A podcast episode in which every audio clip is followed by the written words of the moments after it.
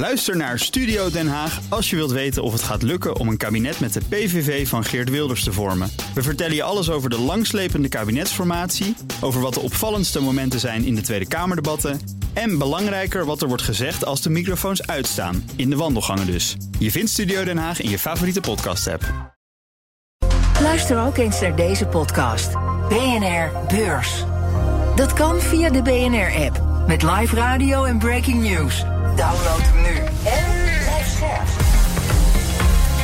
BNR Nieuwsradio. The Big Five.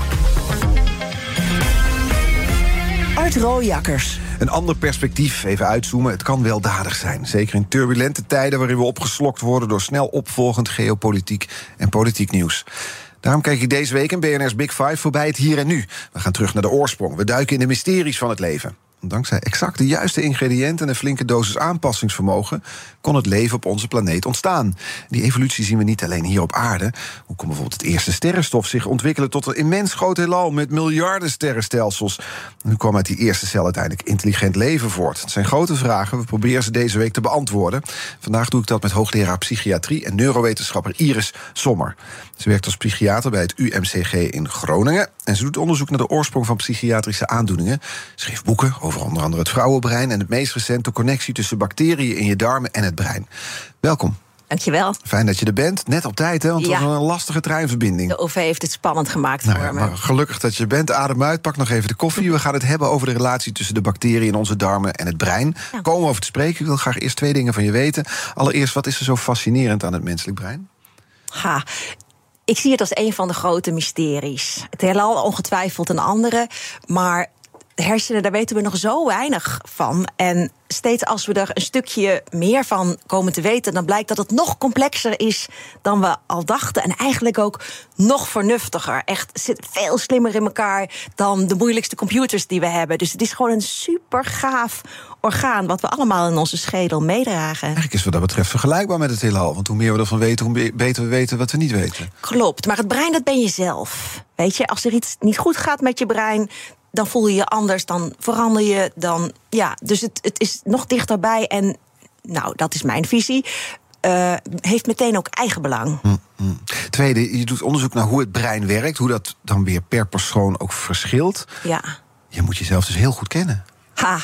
ehm, ik denk dat we allemaal best wel veel over onszelf nadenken. Dat zie je ook met functionele MRI. Dat wij ja, veel met zelfreflectie eh, bezig zijn. Ehm, ik weet niet of dat per se een voordeel is. Het kan ook Nee. een nadeel zijn om Ja? te, te, te navelstaarderig eh, te ja. zijn. En het is daarom ook goed om, eh, om lekker bezig te blijven. Tenminste, Maar voor wij mij werkt dat. denken, denken over onszelf na... en hebben eigenlijk daar geen houvast bij. Maar jij hebt al die, ja, die handvaten om te weten hoe het dan echt zit met jezelf. Ja, misschien. Maar ik zie natuurlijk ook gauw dingen bij mezelf. En denk, oh god, heb ik nu een hallucinatie? Of eh, ben ik nu dement aan het worden? Ja, ja. Maar ehm, ik zorg dat ik lekker bezig blijf. Dat ik daar niet te veel gedachten aan wijd. Achter ons brein schuilen miljoenen, miljoenen jaren aan evolutie. Ehm, in een notendop, is er iets te zeggen over de ontwikkeling van het brein, evolutionair gezien? Ja, ehm, eh, wij zijn een zoogdier. Ehm, dat willen we nog wel eens vergeten. En ik denk dat het belangrijk is om ons te blijven realiseren dat wij een dier zijn, specifiek een zoogdier. En dat Waarom is dat daarbij. van belang? Nou, dat daarbij biologische factoren die voor dieren gelden, ook voor mensen gelden. We hebben soms het idee dat wij een hoog verheven soort zijn. eh, waarvoor dingen als reflexen, hormonen, neurotransmitters minder belangrijk zijn. Omdat wij een zogenaamd vrije wil ja. hebben of iets van een ziel. Ehm, ja, daar moet ik mensen toch eh, ontnuchteren. Eh, het zoogdierenbrein is ook ons brein. En ehm, dat is denk ik wel belangrijk om daar ook kennis van te nemen. Gisteren kwam voorbij dat we eigenlijk ja, niet, niet veel anders zijn dan chimpansees bijvoorbeeld in ons gedrag. Mhm. Geldt dat ook voor het brein? Ja, absoluut. Ja, ik denk dat we van chimpansees veel kunnen leren van, van, van hun gedrag. En we doen ook in de geneeskunde nog steeds veel onderzoek met nog veel eenvoudiger eh, zoogdieren. Muizen wordt veel gebruikt. En bijvoorbeeld de darm-breinas laat zich uitstekend bestuderen ehm, in muizen.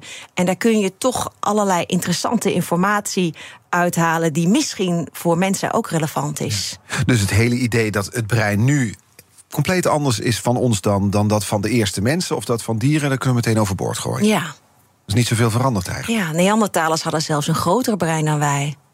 Wat deden ze ermee dan? Ja, interessant hè. Um, dat. Um, dat zou kunnen dat er meer geheugencapaciteit was, zodat meer automatisme opgeslagen kunnen worden. Wat gezegd wordt, maar ja? ik weet niet goed hoe hard dat is, is dat wij creatiever zijn dan Neandertalers, maar dat zij beter konden onthouden. Voor wat het waard is. Ja, dat is toch meteen interessant grote, te weten. Jazeker. En de grote vraag is natuurlijk: konden zij spreken? Ja.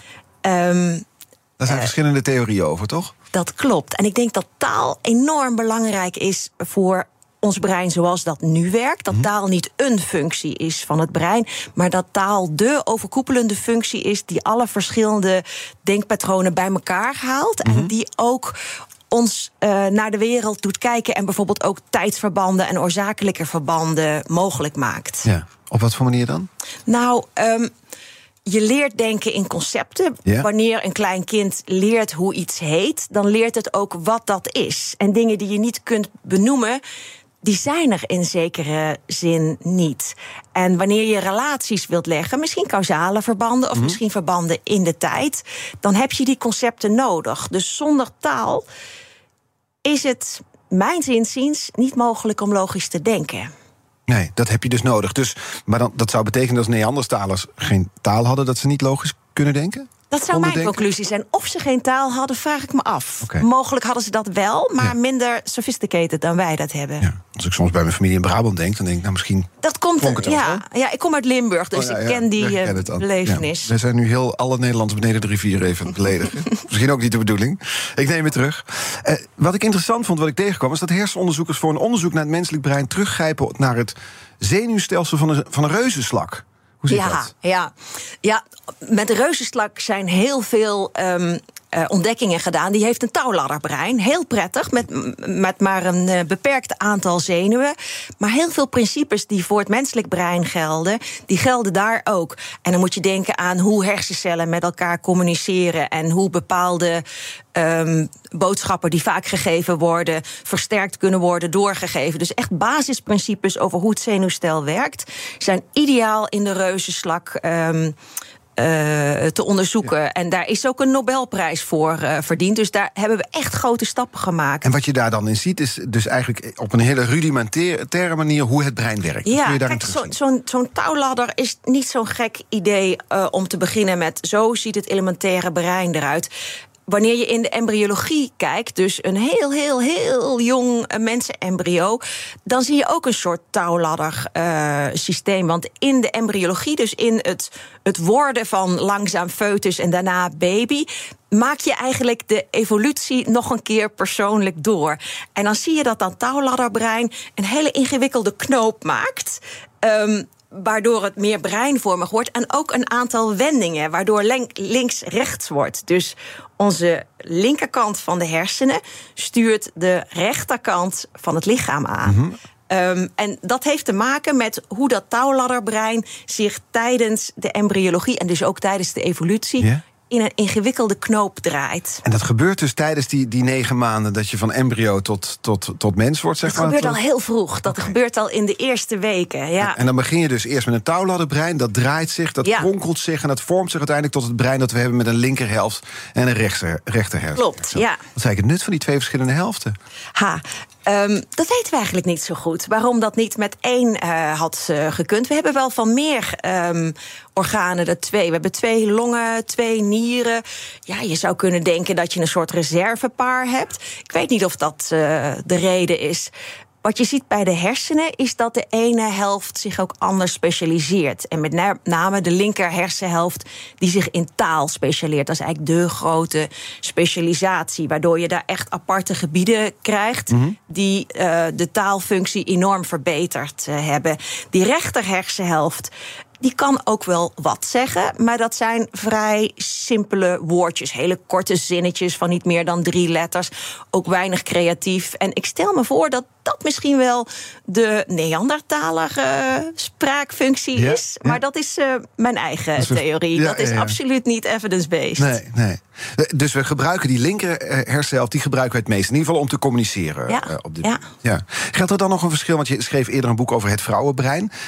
Is dit, zien we hierin een verschil ook tussen mannen en vrouwenbrein? Ja, hele goede vraag. Dat is inderdaad wat, we, wat veel mensen denken: dat het vrouwenbrein minder gespecialiseerd is. Dat daar de twee hersenhelften meer op elkaar lijken. Daar heb ik geen evidentie voor kunnen vinden. Ik heb dat, uh, denk ik, vrij grondig onderzocht. Nee, niet is of kleiner, nauwelijks. toch? 11% kleiner, 200 Heel kleiner. Ja. ja, en dat vind ik ook wel, wel interessant. Dat grootte dus blijkbaar niet bepalend is. Vrouwen zijn even intelligent, maar doen dat met aanzienlijk minder hersenweefsel... en zelfs met aanzienlijk minder hersencellen. Ja, dus veel efficiënter dan mannen. Efficiënter weet ik niet, want we gebruiken. Ben ik per, niet te dom om te snappen als man? per uh, uh, hoeveelheid brein gebruiken vrouwen veel meer um, glucose en zuurstof. Mm. Dus het is een kleiner motortje, maar het draait in een hogere versnelling. Ja, ja, ja. En dan gebruik je het niet sneller op. Zoals... Dat is een goede vraag. Nee, het vrouwenbrein uh, wordt niet sneller oud. En dat heeft ook te maken met de beschermende werking van oestrogeen. Ja. Dus een, een, een hormoon wat bij vrouwen veel meer wordt aangemaakt dan bij mannen. Uh, dat heeft een gunstige invloed op de hersenen. En zeker zolang dat hormoon hoog is, uh, is je brein relatief gespaard. Ook bijvoorbeeld tegen chronische stress. Ik ga die kettingvraag aan je voorleggen. Want gisteren was Mark van, Gus, van Vught mijn gast. Ja, hij is evolutionair psycholoog. Jullie kennen elkaar inderdaad. Hè? Hij had een kettingvraag voor je, dat is deze. Ik weet dat zij uh, geïnteresseerd is in uh, ook uh, seksenverschillen in de brein. Hè. Ze heeft het boek Het Vrouwenbrein geschreven. Een heel mooi boek, vind ik. En de vraag is even... Um, hè, we hebben nu iets uitgevonden, de pil... die ervoor zorgt dat vrouwen niet ongewenst zwanger worden. Maar waar ik wel benieuwd naar ben... is hoe het vrouwenbrein reageert op de pil. Ja. Ja, wauw, super toffe vraag. Dankjewel, Mark. Um, de pil is een super belangrijke factor. En het stomme is dat er eigenlijk veel te weinig onderzoek naar is gedaan van wat doet die anticonceptiepil nu op hersenen en gedrag. Want onwijs veel vrouwen gebruiken hem en hebben daar ook baat bij. Hè? Want abortusaantal is super laag, het aantal ongewenste zwangerschappen is super laag. Dus die pil heeft echt een rol van betekenis gespeeld in de emancipatie van vrouwen. Maar hormonen hebben best wel veel effect op de hersenen. En hoe meer ik daar onderzoek naar doe, hoe meer ik onder de invloed, onder, onder de indruk ben van het effect van zowel oestrogeen, maar ook testosteron en progesteron, allemaal wat je dan sekssteroids noemt, op de hersenen. En met die anticonceptiepil doe je wel het een en ander. En ik denk dat dat zeker effect heeft op de hersenen en uh, op je gedrag. Een belangrijke vraag waar veel onderzoek naar gedaan of nou, nog steeds niet genoeg, maar wel wat onderzoek naar gedaan is, is geeft dat nu een hogere kans op depressie? Dat komt er niet zo duidelijk uit. Wat zien we wel voor effecten die aantoonbaar zijn of waar theorieën over zijn? Um, het geeft meer stabiliteit. Uh, zeker wanneer je die pil zonder stopweek uh, uh, doorslikt. Wat voor bepaalde indicaties wel aan te raden is. Bijvoorbeeld voor premenstrueel syndroom. Dat is vrouwen die de week voor hun menstruatie zich echt ellendig mm-hmm. voelen. Daarmee geeft het een stabieler niveau van hormonen. Waarbij voor dat beeld in elk geval iets positiefs wordt gezien. Bij hele jonge uh, meisjes eigenlijk, uh, zeg maar uh, onder de 18, zie je dat de pil wel geassocieerd is met depressie. Maar het is heel moeilijk uit elkaar te houden. Is dat nou doordat die hormonen in die pil zelf dat effect geven? Of, want je pil, neemt de pil natuurlijk vaak om zwangerschap te voorkomen, omdat mm -hmm. je seksueel actief wordt. Of is het dat je jong uh, seksueel actief wordt. En is dat de prikkel die depressie geeft? Ja, ja haal het maar uit elkaar. dat, uh, ja. dat is een onbeantwoorde vraag. Maar dat is zeker een gebied waar we nog veel meer van uh, moeten leren. In mijn gebied, ik doe vooral onderzoek naar psychose, mm -hmm. is de hele belangrijke vraag: kan pilgebruik, bijvoorbeeld doorslikken zonder stopweek, kan dat een gunstig effect hebben voor vrouwen die psychoses ervaren? Ja. Zou ik dolgraag willen weten. De Big Five. Art Rooijakkers. Vandaag de gast psychiater neurowetenschapper Iris Sommer. Ze is ook maker van de podcast, die is hier bij BNR te horen. Baan door het brein, echte aanrader. Deze week hebben we het over de evolutie. En vanuit dat oogpunt is het interessant om het meest recente boek dat je hebt geschreven er eens bij te halen. Het heet De bacterie en het brein. Daarin worden onze darmen ook wel het tweede brein genoemd. Leek mij wat overdreven. Ja, vind ik ook hoor. Oh. Ehm, het, het, eh, de darm heeft een mooi zenuwstelsel, veel groter dan dat van andere organen, maar kan niet tippen aan het echte brein. Nee, de tafels gaan mijn dochters niet meer leren met hun darmen, toch? Precies. Ja. Dus hoe zijn die darmen en het brein met elkaar verbonden? Want er is wel een verbindenis. Ja, um, ik ben erg geïnteresseerd in de darmflora. Dat noem je ook wel het microbioom. Dat is um, de, uh, de, de leefgemeenschap die zich in de darmen genesteld uh, heeft. Mm -hmm. Um, voor een groot gedeelte bacteriën, die we ook goed in kaart kunnen brengen. Um, en waar ook een belangrijk evolutionair aspect aan zit. Want wij hebben ons ontwikkeld in een wereld die al vol met bacteriën waren. Als je teruggaat in de, in de geschiedenis van de aarde, ver terug, zo'n 4 miljard jaar terug.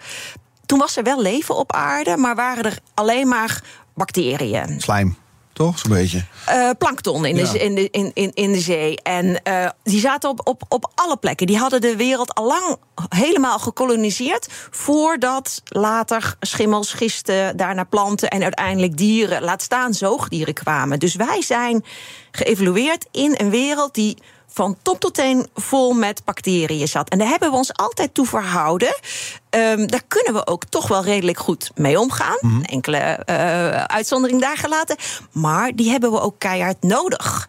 Dus, um, wij... En dat speelt vooral een rol in onze, onze darmflora. Precies. Dus wij, wij zitten allemaal helemaal vol met bacteriën. Huid, uh, ogen, uh, mond, geslachtsorganen zeker ook. Klein beetje in de longen.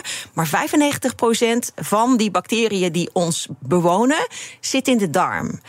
Um, en daar hebben ze een, een, hele belangrijke rol. En wanneer een kind geboren wordt, dan moet die darmflora zich nog vormen.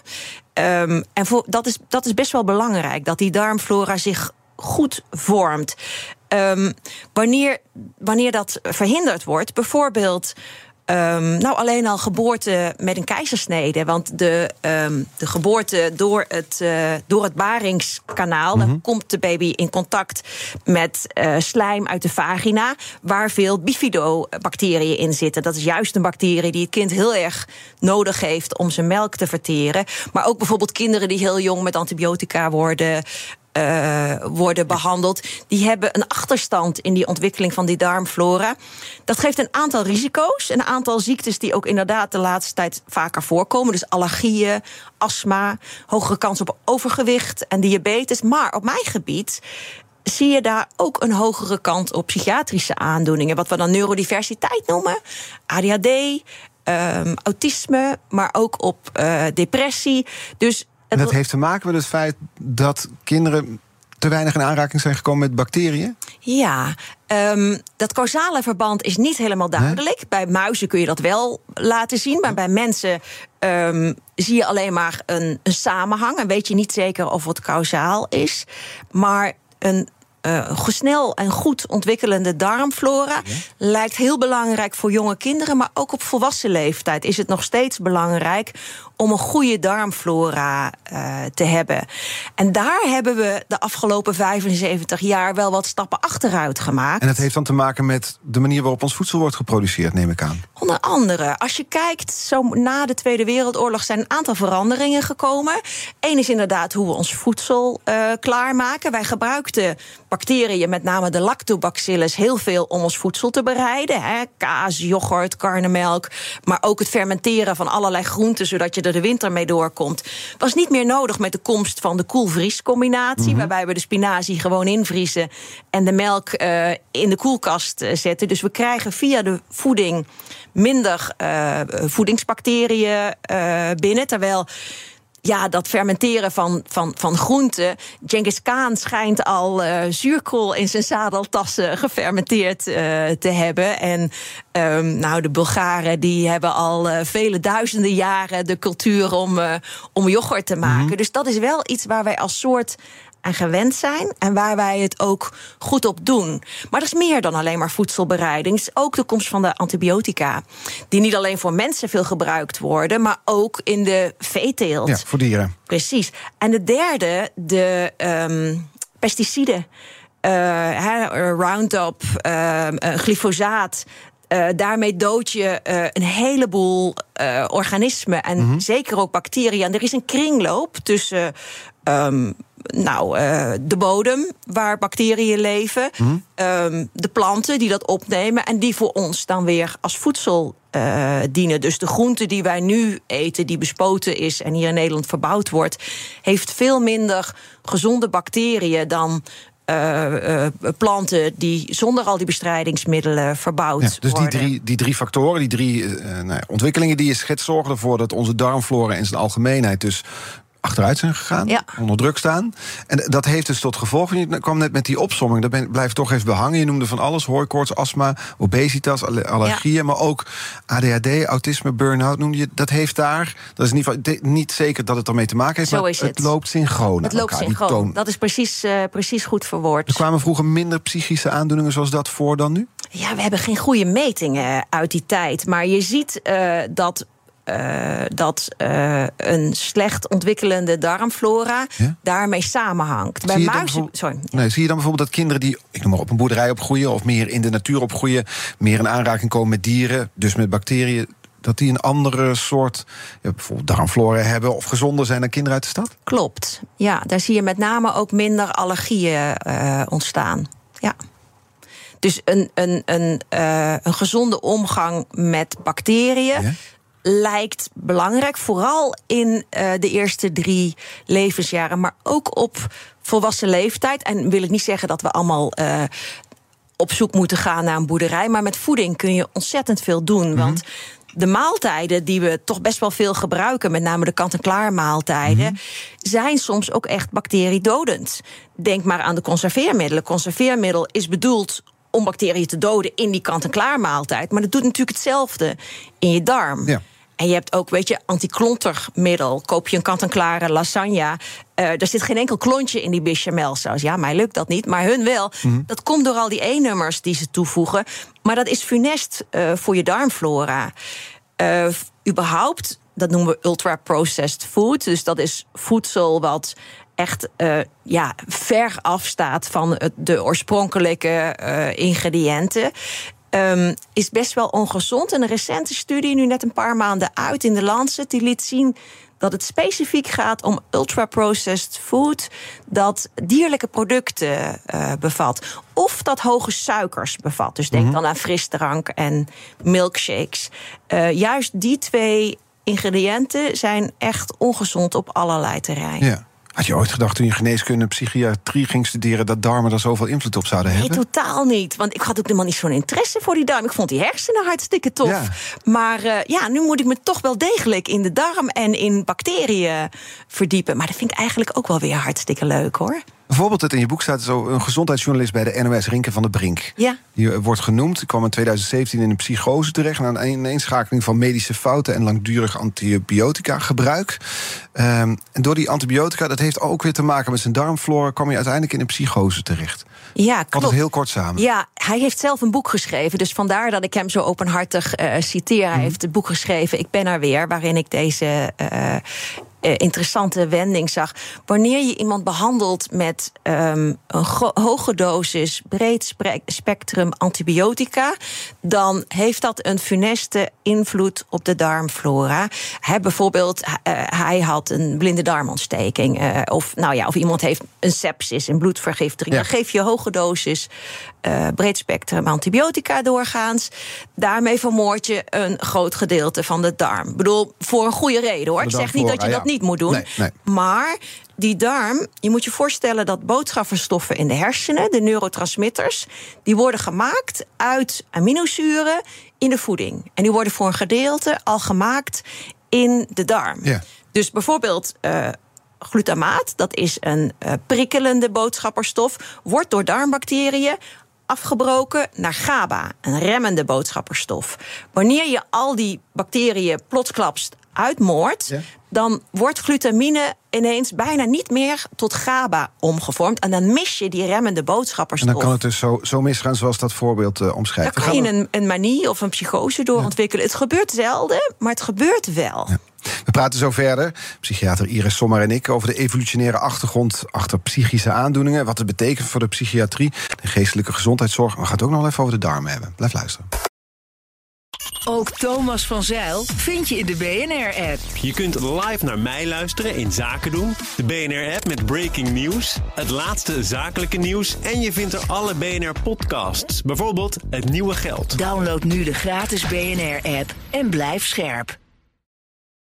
Blijf scherp. BNR Nieuwsradio. The Big Five. Art Rooijakkers. Welkom bij het tweede halfuur. Eerder deze week sprak ik met archeoloog Gerrit Dusseldorp over de evolutie van de prehistorische mens. Had het ook over Neandertalers, net als in dit uur, die misschien wel net zo slim zijn als de mensen aan de universiteit in Delft. Een ingenieur daar. Dat was een stelling.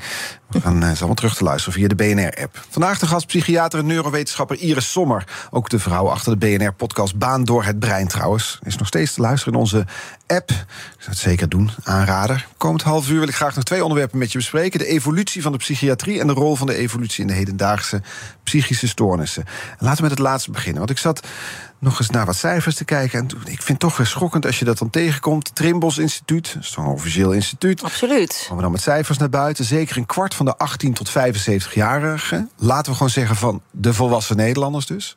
Een kwart van de volwassen Nederlanders had vorig jaar last van een psychische stoornis. Komt neer op 3,3 miljoen mensen. Twaalf jaar geleden was het nog minder dan 18 procent. Eh, Wat ook al veel is. ook al veel, ja. Maar dat, één op de vier mensen een psychische stoornis. Dus ik, ik dacht, hoe kan, hoe kan dat? Of Ja, zijn die, is, zijn die maatstaven heel erg verruimd of zo? Nee, ehm, Trimbos doet die metingen regelmatig. En we zien daar inderdaad dat dat aantal stijgt. Ja. Ehm, Door corona of zo, zijn we depressief geworden. Corona heeft zeker een stijging veroorzaakt. En wat we niet zien is dat na corona weer een daling optreedt. Wat je eigenlijk wel zou verwachten wanneer het alleen maar corona eh, is. Van veel oudere tijd hebben we eigenlijk geen goede data. Dus we weten het tot ja, jaren 80 van de vorige eeuw. Van daarvoor weten we het niet zo goed. Dus op de langere termijn kunnen we daar niet zoveel over zeggen. Er zijn denk ik een aantal dingen aan de hand. Eén is dat mensen ook de stap naar de geestelijke gezondheidszorg eerder maken. Dat er minder stigma eh overheerst. hè. Dingen als autisme, bipolaire stoornis, ADHD zijn echt wel beter bespreekbaar. En is niet meer zo'n label. Nou, dat is op zich natuurlijk hartstikke goed. Ja. Ehm, Ehm, wat je wel ziet, is dat er ook zoveel aanmeldingen zijn dat de GGZ het niet goed aan kan. En dat we lange wachttijden Precies, krijgen. ja. En het vervelende wat daar gebeurt, is dat juist de mensen met heel complexe aandoeningen de langste wachttijden hebben. Mhm. Eh, ik denk niet dat het alleen maar een drempelverlaging is en alleen maar minder stigma. Ehm, ik denk dat er ook iets mis is met de stressweerbaarheid. Heel veel psychiatrische aandoeningen hebben te maken met hoe flexibel je bent om na stressvolle periode weer goed terug te veren. Ehm, en ik denk dat daar ook wat aan schort. En, En wat eh, zou er aan kunnen schorten? Dat, daar, daar zijn we wellicht minder goed in geworden dan? Dat ver- vermoed ik van wel. Dat is lastiger te meten. Snap ik, ja. Maar we zitten nu even dan te filosoferen wat er zou kunnen zijn. Nou ja, dat is voor mij. die cijfers. Dat is voor mij ook wel een van de redenen waarom ik die darmflora zo interessant vind. Want die kan je helpen om, om weerbaarder te zijn tegen Ja. stress. Kijk, stress komt op ons pad. Maar als je over de wat langere termijn kijkt, dan kan je toch niet zeggen dat wij nu in onze huidige tijd hier in Nederland zoveel meer stress ervaren dan eh, hè, bijvoorbeeld. ehm, eh, twee of drie generaties terug. Toen had je de oorlogstijd, eh, de, de, de crisisjaren daarna. Ehm, ja, dan kan je veel wel zeggen. informatie die op je afkwam. Ja, dan kan je wel zeggen, social media over, ja. is onrustig. Maar goed, ehm, er zijn ook wel andere vormen van stress. En ik weiger te geloven dat alleen maar de social media nu zoveel meer stress geeft. Uh, dan dat het pakweg 75 jaar geleden was. Dat, Nee. ja, ik- gisteren was mijn gast natuurlijk Mark van Vught... en die zegt, ja, we hebben een soort oerbrein. Hè, en daarmee, eh, ja, dat evolueert niet zo snel als onze wereld is geëvolueerd. We, we hebben allerlei revoluties meegemaakt. De industriële revolutie, de digitale revolutie. Ons brein kan dat misschien niet bijbenen. Eh, Gaat misschien allemaal niet zo snel. En als je het zo beziet... Ik heb wel eens van die vergelijkingen gelezen... dat wij nu ongeveer in één uur net zoveel informatie tot ons nemen... als eh, iemand 100 jaar geleden in een jaar. Als je bedenkt wat je allemaal via je telefoon, via internet binnenkrijgt. Dat dat misschien stress oplevert? Ja, Ik zit kan. Het kan, bedenken, ook, het kan ook eh, een enorme opportunity zijn. Ik bedoel, zelf vind ik het waanzinnig dat we zoveel kunnen, kunnen leren. En ik vind het een enorm voordeel. Ik Ja. bedoel, het is ook ontzettend leuk om je niet stierlijk te hoeven vervelen. En om allerlei interessante dingen te, eh, te leren. En ja, je. Ja, je, je kan toch socials. Ja, ik bagatelliseer het misschien, maar mijn stelling is dat dat kan niet dat alleen maar de hoeveelheid informatie via mobiel verkeer, dat dat de enige reden is waarom we zoveel meer psychiatrie. Dat weiger ik te geloven. Ik Eigenlijk weten we het dus niet. We hebben geen idee hoe het komt. Ehm, maar wel hypotheses. Ja. Ja. Daar moet het dan maar mee doen voorlopig. Met die hypothese. En die hypothese is dat mensen zich misschien wat sneller melden. Maar ook dat we minder stressweerbaar zijn. Exact. En daar valt denk ik wel het een en ander aan te doen. Want eh, willen weten hoe het komt, heeft ook altijd als reden op dat je er dan ook wat aan kan doen. Mhm. Dus eh, we zijn vrij praktisch in de geneeskunde. We willen graag dingen weten, maar we willen We er vooral ook wat aan doen. Ja, ja, ja. Evolutie zie je natuurlijk ook altijd als iets dat, dat we beter worden. in Iets dat we sterker worden, slimmer worden, verder komen. aan, Ja. aan eh Of de is dit wereld misschien ook evolutie? Waar we nu naar kijken dan, die cijfers. Ja, dat, ehm, of dit een overgangsfase is, ehm, dat is wat je vraagt. eh, toch of we in een tussenfase eh, zitten. Voor de psychiatrie denk ik zeker. Ik denk dat wij ons ook weer aan deze enorme stroom van aanmeldingen moeten aanpassen. En ook een iets andere zorg. eh, moeten gaan aanbieden dan we, dan we voorheen deden. Ja, sowieso meer e-health. Dat kan niet anders, want we redden het gewoon Nee. niet. Tenzij elke vierde persoon eh, psycholoog of psychiater wil worden. Dat lijkt me geen goed plan. Ehm, dus daar zie ik zeker ook wel veranderingen optreden. Maar ik denk vooral dat we als samenleving weerbaarder moeten worden tegen stress. En dat we goed moeten kijken waar per persoon die verbetering mogelijk is. Zelf doe ik veel onderzoek naar voeding. Hoe je met voeding de stressweerbaarheid kan verbeteren. Moeten we eten dus om die stressweerbaarheid te verhogen? Ja. Zeg het ons, verlos ons. Ehm, je moet sowieso zelf koken. En je moet zoveel mogelijk hele producten gebruiken. Dus geen, eh, geen eh, halfbakken producten, maar gewoon ehm, eh, de, de, de hele groenten. Zo weinig mogelijk vlees en met name weinig zoogdierenvlees. Want dat lijkt gewoon heel erg veel op ons eigen. Eh, op onze eigen eiwitten. En het immuunsysteem slaat daarop aan. Want dat denkt dat we een soort eh, eh, eigen weefselschade hebben. Weinig dranken en, en spijzen die heel veel suiker bevatten. We moeten ook niet te veel eten. Als je kijkt naar gezond ouder worden, dan is een van de belangrijkste factoren om dat je hersenen goed en lang meegaan. Is toch ook eh, ja, mean en lean. Zorg dat je geen, eh, geen overgewicht krijgt. Ja, nou, dat gaat niet echt goed in onze maatschappij, hè? We worden met z'n allen toch collectief steeds vaarder. Ehm, ja, ik ben een optimist. Maar ik heb wel de hoop dat we het eh, zwaartepunt gehad hebben. Dat we eh, op onze weg zijn naar gezonder eten en minder overweg, eh, overgewicht. Ik wil je graag een quote voorleggen. Die, er was een Amerikaanse psychiater, Randolph, Randolph Nash. Die pu- publiceerde in 2020 een boek over het nut van angst en somberheid. Dat le- leidde toen tot best veel publiciteit. Het- ik vind het interessant om daaruit iets aan jou voor te leggen. Want hij stelt het volgende, en nu citeer ik hem. Evolutionair gezien ontstaan depressieve symptomen als damp tussen wensen en verwachtingen. Mooie zin. Neerslachtigheid heeft dus een functie. Het helpt ons te stoppen met het najagen van onbereikbare doelen. Dacht ik, misschien heeft dat er ook wel iets mee te maken. Die negatieve emoties die dan een doel hadden, dat die nu ons misschien wat meer in de weg staan. Omdat, dan kom ik toch op die social media, het, alles lijkt misschien wel bereikbaar. Ehm, het is in elk geval fijn om aan iets negatiefs toch nog een nuttig doel te koppelen. Dus als het mensen helpt, die gedachte, gebruik hem vooral. Hele beleefde manier van zeggen, dit is onzin, rooiakkers. Ehm, het zou niet mijn tekst zijn. Ehm, wat wel zo is, is dat wij vanuit de evolutie ingesteld zijn dat negatieve emoties sterker impact op ons hebben en ons sterker ehm, meesleuren dan positieve emoties. Dat is een beetje jammer. Wij zijn vooral gebouwd om gevaar te ontwijken. Dus wij zijn de hele tijd vooral op zoek naar gevaar. Uh, en worden ook angstig, misschien depressief, als we die kans op gevaar weer nemen. De kans op leuke dingen vind, is veel minder relevant. jammer genoeg. Ja. Oké, nou ja, dan, ik, ik, vergeet die quote dan. Ik vond hem zo mooi klinken. Hij is maar mooi, ja, absoluut. En die, die, waar we het net over hadden, hè, die psychische aandoeningen... eh, komen die ook door voor bij andere dieren eigenlijk? Andere zoogdieren? Um, Zijn er ook, weet ik het, uh, walvissen met een psychose? Uh, psychose is echt niet mogelijk om daar een dierenmodel van te maken. Nee. Of ze het niet hebben. Hallucineert denk, een, een, olifant? Um, ik denk wel dat hallucineren kan. Dus dat je iets ziet of hoort wat er niet is. Um, daar is ook wel een soort van muizenmodel van, waarbij een muis lijkt te schrikken van mogelijk een geluid ja. wat er niet is. Maar psychose gaat ook veel over overtuigingen. Ja.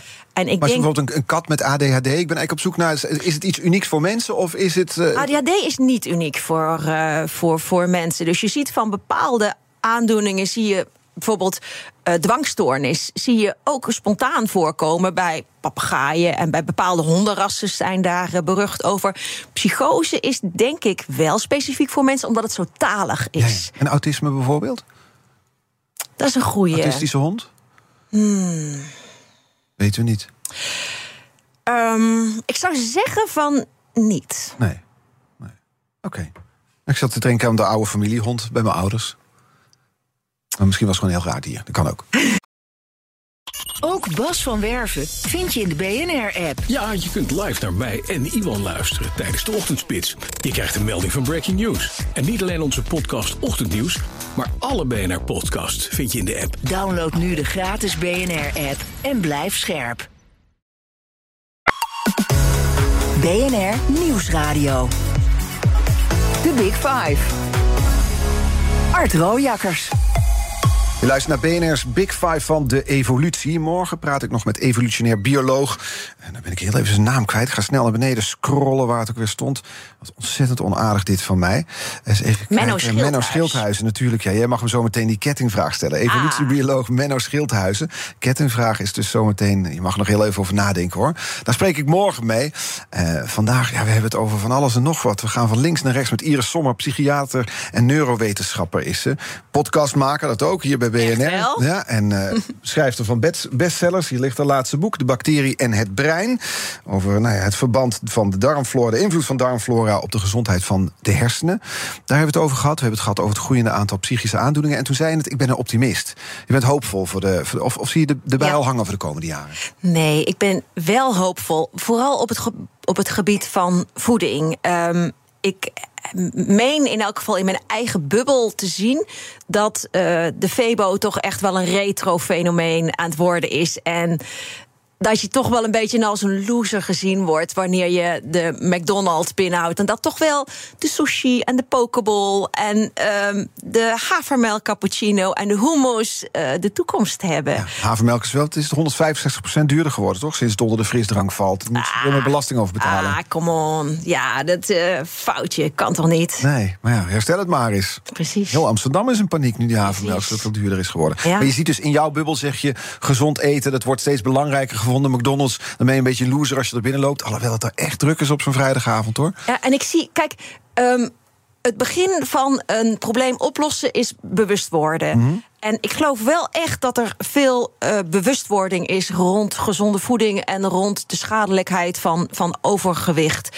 Uh, en dat we ons ook gaan realiseren dat we met voeding niet alleen ons eigen lichaam moeten voeden, maar ook die hele dierentuin in onze darm. Mm -hmm. Want die darmflora willen we niet kwijt. Die heeft een aantal hele belangrijke functies voor ons. We noemden al het aanmaken van boodschapperstoffen voor de hersenen, mm -hmm. maar ook voor de darm. Maar ook het trainen van het immuunsysteem, hè, zodat je minder uh, kwetsbaar wordt voor, uh, voor uh, allergieën.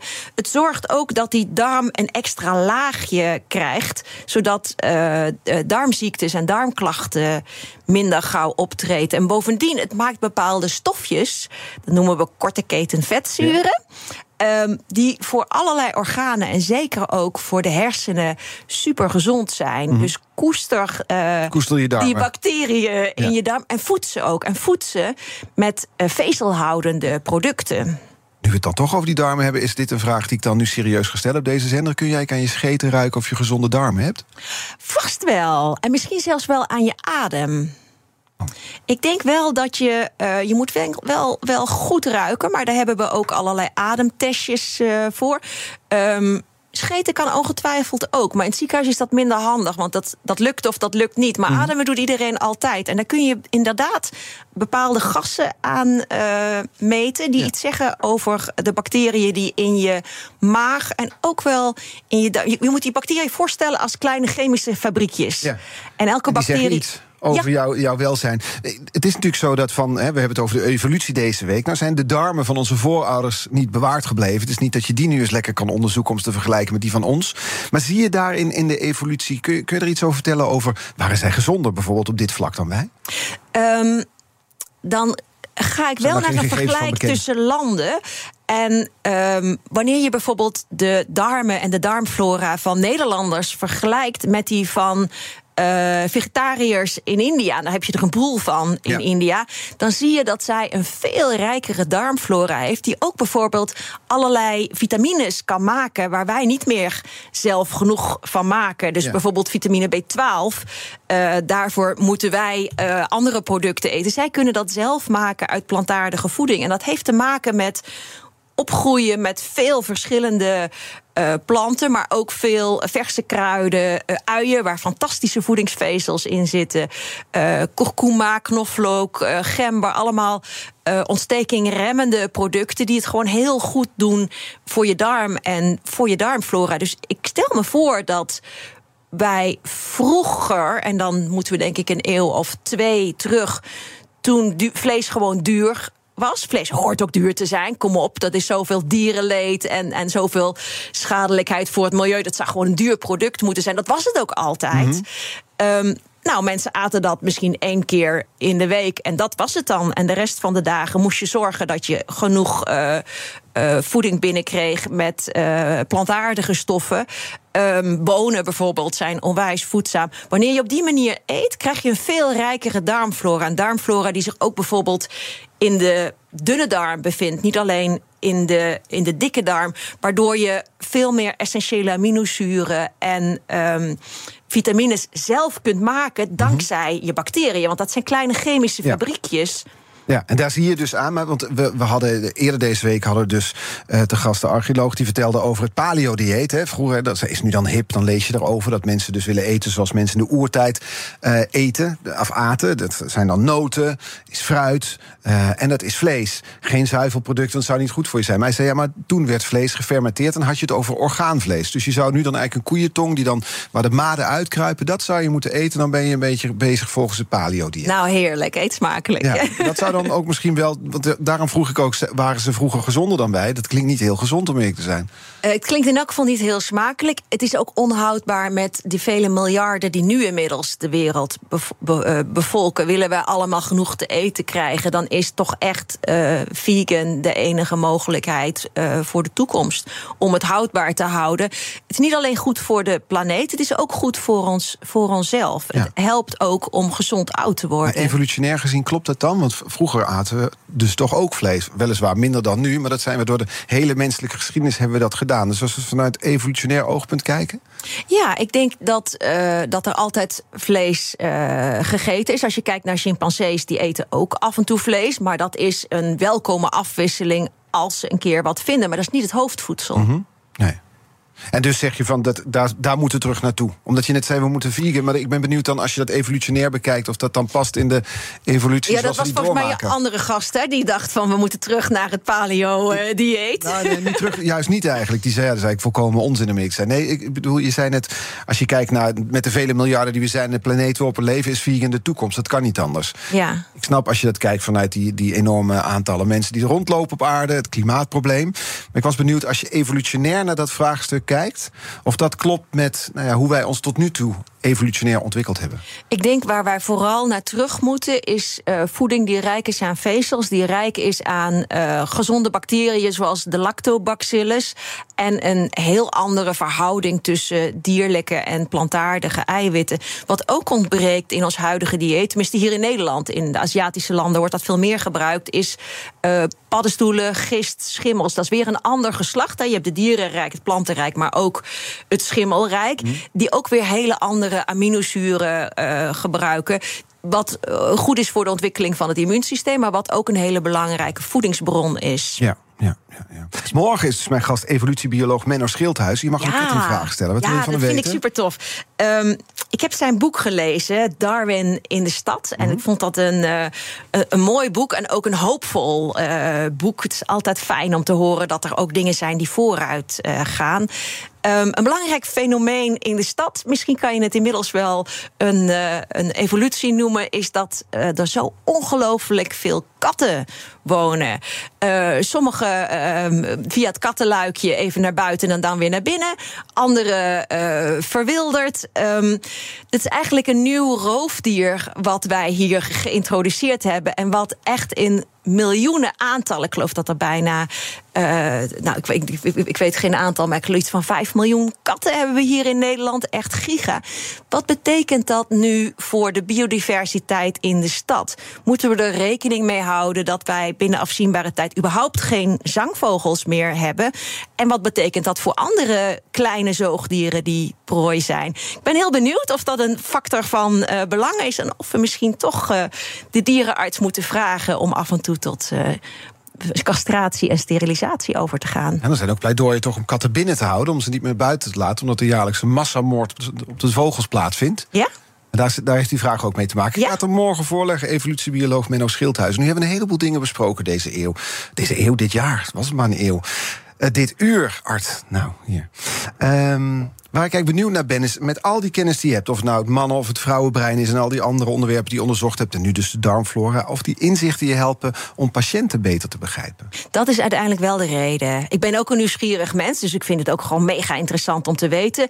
Maar de reden waarom ik onderzoek doe, is om het moet van nut zijn van patiënten. Ik werk in een ziekenhuis mm. en ons primaire product is patiënten beter maken. Ja. En heb je het idee uh, dat je patiënten nu beter begrijpt dan tien jaar geleden? Absoluut, absoluut. Ja.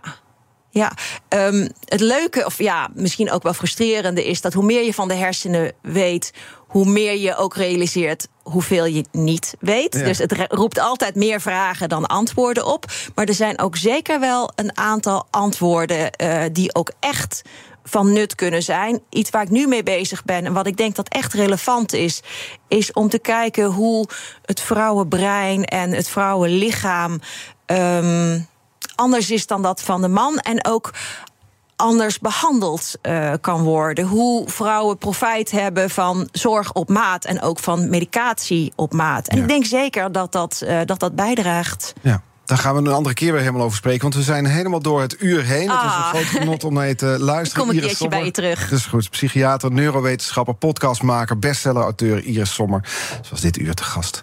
Onze afleveringen zijn terug te luisteren als podcast. Doe dat in onze eigen app of je favoriete podcastkanaal. Dan uh, kun je daar ook dus bijvoorbeeld de podcast Baan door het Brein even opzoeken en terugluisteren. Nu op deze zender BNR Zaken doen. Thomas van Zel. Wij zijn er morgen weer. Tot dan.